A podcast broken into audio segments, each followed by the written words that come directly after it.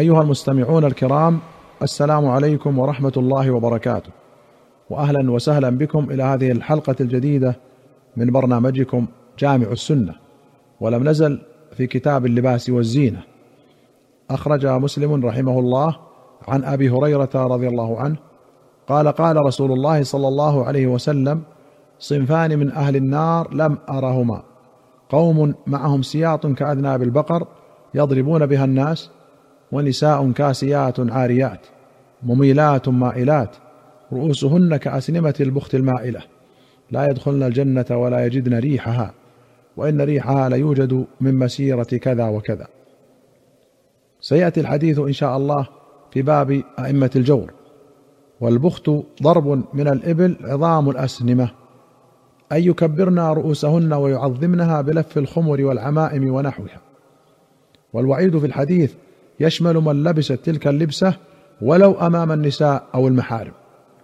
قال ابن عثيمين رحمه الله لباس البنطلون والألبسة الضيقة يدخلها أي المرأة في قول النبي صلى الله عليه وسلم صنفان من أهل النار لم ارهما وقال في مجموع الفتاوى أرى أن لا ينساق المسلمون وراء هذه الموضة من أنواع الألبسة التي ترد إلينا من هنا وهناك وكثير منها لا يتلائم مع الزي الإسلامي الذي يكون فيه الستر الكامل للمرأة مثل الألبسة القصيرة أو الضيقة جدا أو الخفيفة ومن ذلك البنطلون فإنه يصف حجم رجل المرأة وبطنها وخصرها وثدييها وغير ذلك. فلابسته تدخل تحت الحديث الصحيح صنفان من أهل النار. وقال أرى منع لبس المرأة البنطلون مطلقا وإن لم يكن عندها إلا زوجها وذلك لأنه تشبه بالرجال. فإن الذين يلبسون البنطلونات هم الرجال. وقد لعن النبي صلى الله عليه وسلم المتشبهات من النساء بالرجال. وأما لباسها غير البنطلون عند محارمها فلها أن تلبس ما يستر جسمها كله إلا ما يظهر غالبا مثل اليدين والرجلين والرأس والوجه فإنه لا بأس بخروجه. وسئل عن حكم لبس المرأة الثوب القصير أمام النساء وعن حدود عورة المرأة عند المرأة فأجاب قائلا لا يجوز للمرأة أن تلبس ثوبا قصيرا. اللهم إلا إذا كانت في بيتها وليس في بيتها سوى زوجها. وأما مع الناس فلا يحل لها أن تلبس الثوب القصير أو الضيق أو الشفاف الذي يصف ما وراءه لأن النبي صلى الله عليه وسلم قال صنفان من أهل النار لم أرهما وذكر نساء كاسيات عاريات. فإذا كانت المرأة تلبس القصير أو الضيق أو الشفاف الذي ترى من ورائه البشرة فهي في الحقيقة كاسية عارية. كاسية من حيث إن عليها كسوة وعارية من حيث إن الكسوة لم تفدها شيئا. وحدود عورة المرأة عند المرأة ما بين السرة والركبة. فالساق والنحر والرقبة ليس بعورة بالنسبة لنظر المرأة للمرأة ولكن لا يعني ذلك أننا نجوز للمرأة أن تلبس ثيابا لا تستر إلا ما بين السرة والركبة. ولكن فيما لو أن امرأة خرج ساقها لسبب وأختها تنظر إليها وعليها ثوب سابغ أو خرج شيء من رقبتها أو من نحرها وأختها تنظر فلا بأس بذلك. فيجب أن نعرف الفرق بين العورة وبين اللباس. اللباس لا بد أن يكون سابغا بالنسبة للمرأة. أما العورة للمرأة مع المرأة فهي ما بين السرة والركبة. ثم قال فالضيق الذي يبين مفاتن المرأة لا يجوز لا عند المحارم ولا عند النساء. وأخرج مسلم عن عبد الله بن عامر بن العاص رضي الله عنهما قال رأى رسول الله صلى الله عليه وسلم علي ثوبين معصفرين فقال أأمك أمرتك بهذا؟ قلت أغسلهما يا رسول الله؟ قال بل أحرقهما. إن هذه من ثياب الكفار فلا تلبسها. المعصفر الثوب المصبوغ بالعصفر وهو نبت أصفر معروف ويسمى الكركم أو الزعفران. قال النووي واختلف العلماء في الثياب المعصفرة وهي المصبوغة بعصفر فأباحها جمهور العلماء من الصحابة والتابعين ومن بعدهم. وبه قال الشافعي وأبو حنيفة ومالك لكنه قال غيرها أفضل منها.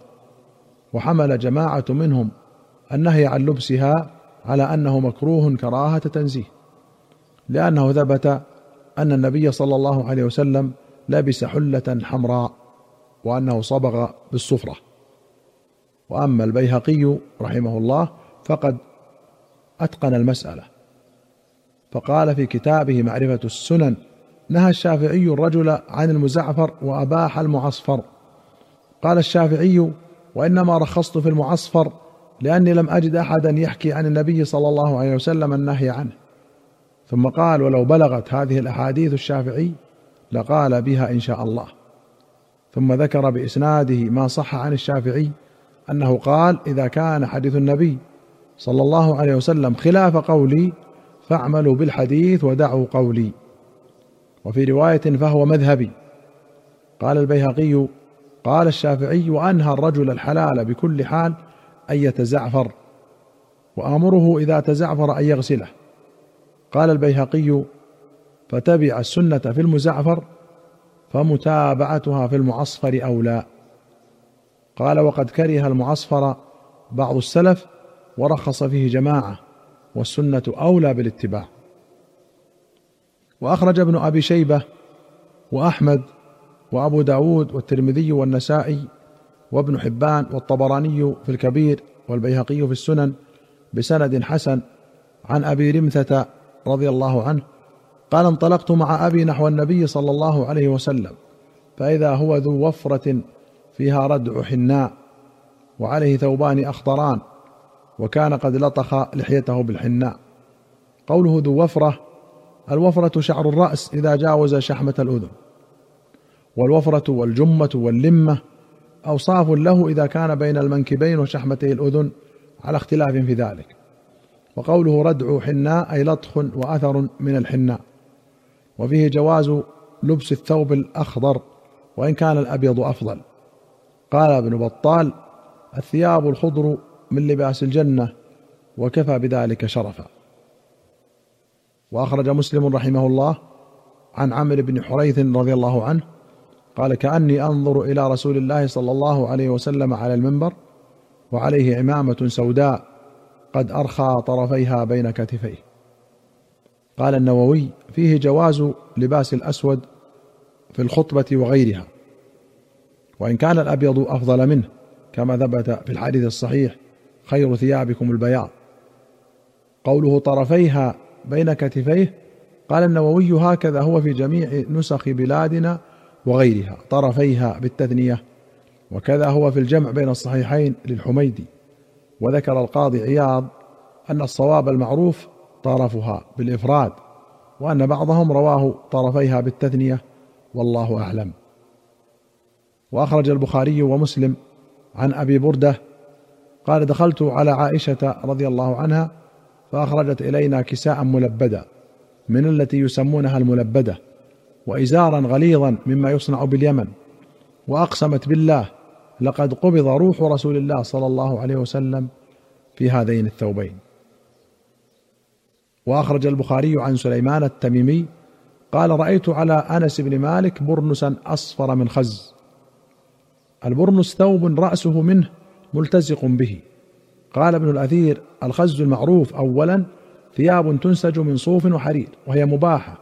لأنها ليست حريرا خالصا ولا الحرير فيها أكثر وقد لبسها الصحابة والتابعون. فيكون النهي عنها لأجل التشبه بالعجم وزي المترفين. اي نهي كراهة تنزيه؟ قال وإن أريد بالخز النوع الآخر وهو المعروف الآن فهو حرام لأنه كله معمول من الحرير. أيها المستمعون الكرام إلى هنا نأتي إلى نهاية هذه الحلقة. حتى نلقاكم في حلقة قادمة إن شاء الله. نستودعكم الله. والسلام عليكم ورحمة الله وبركاته.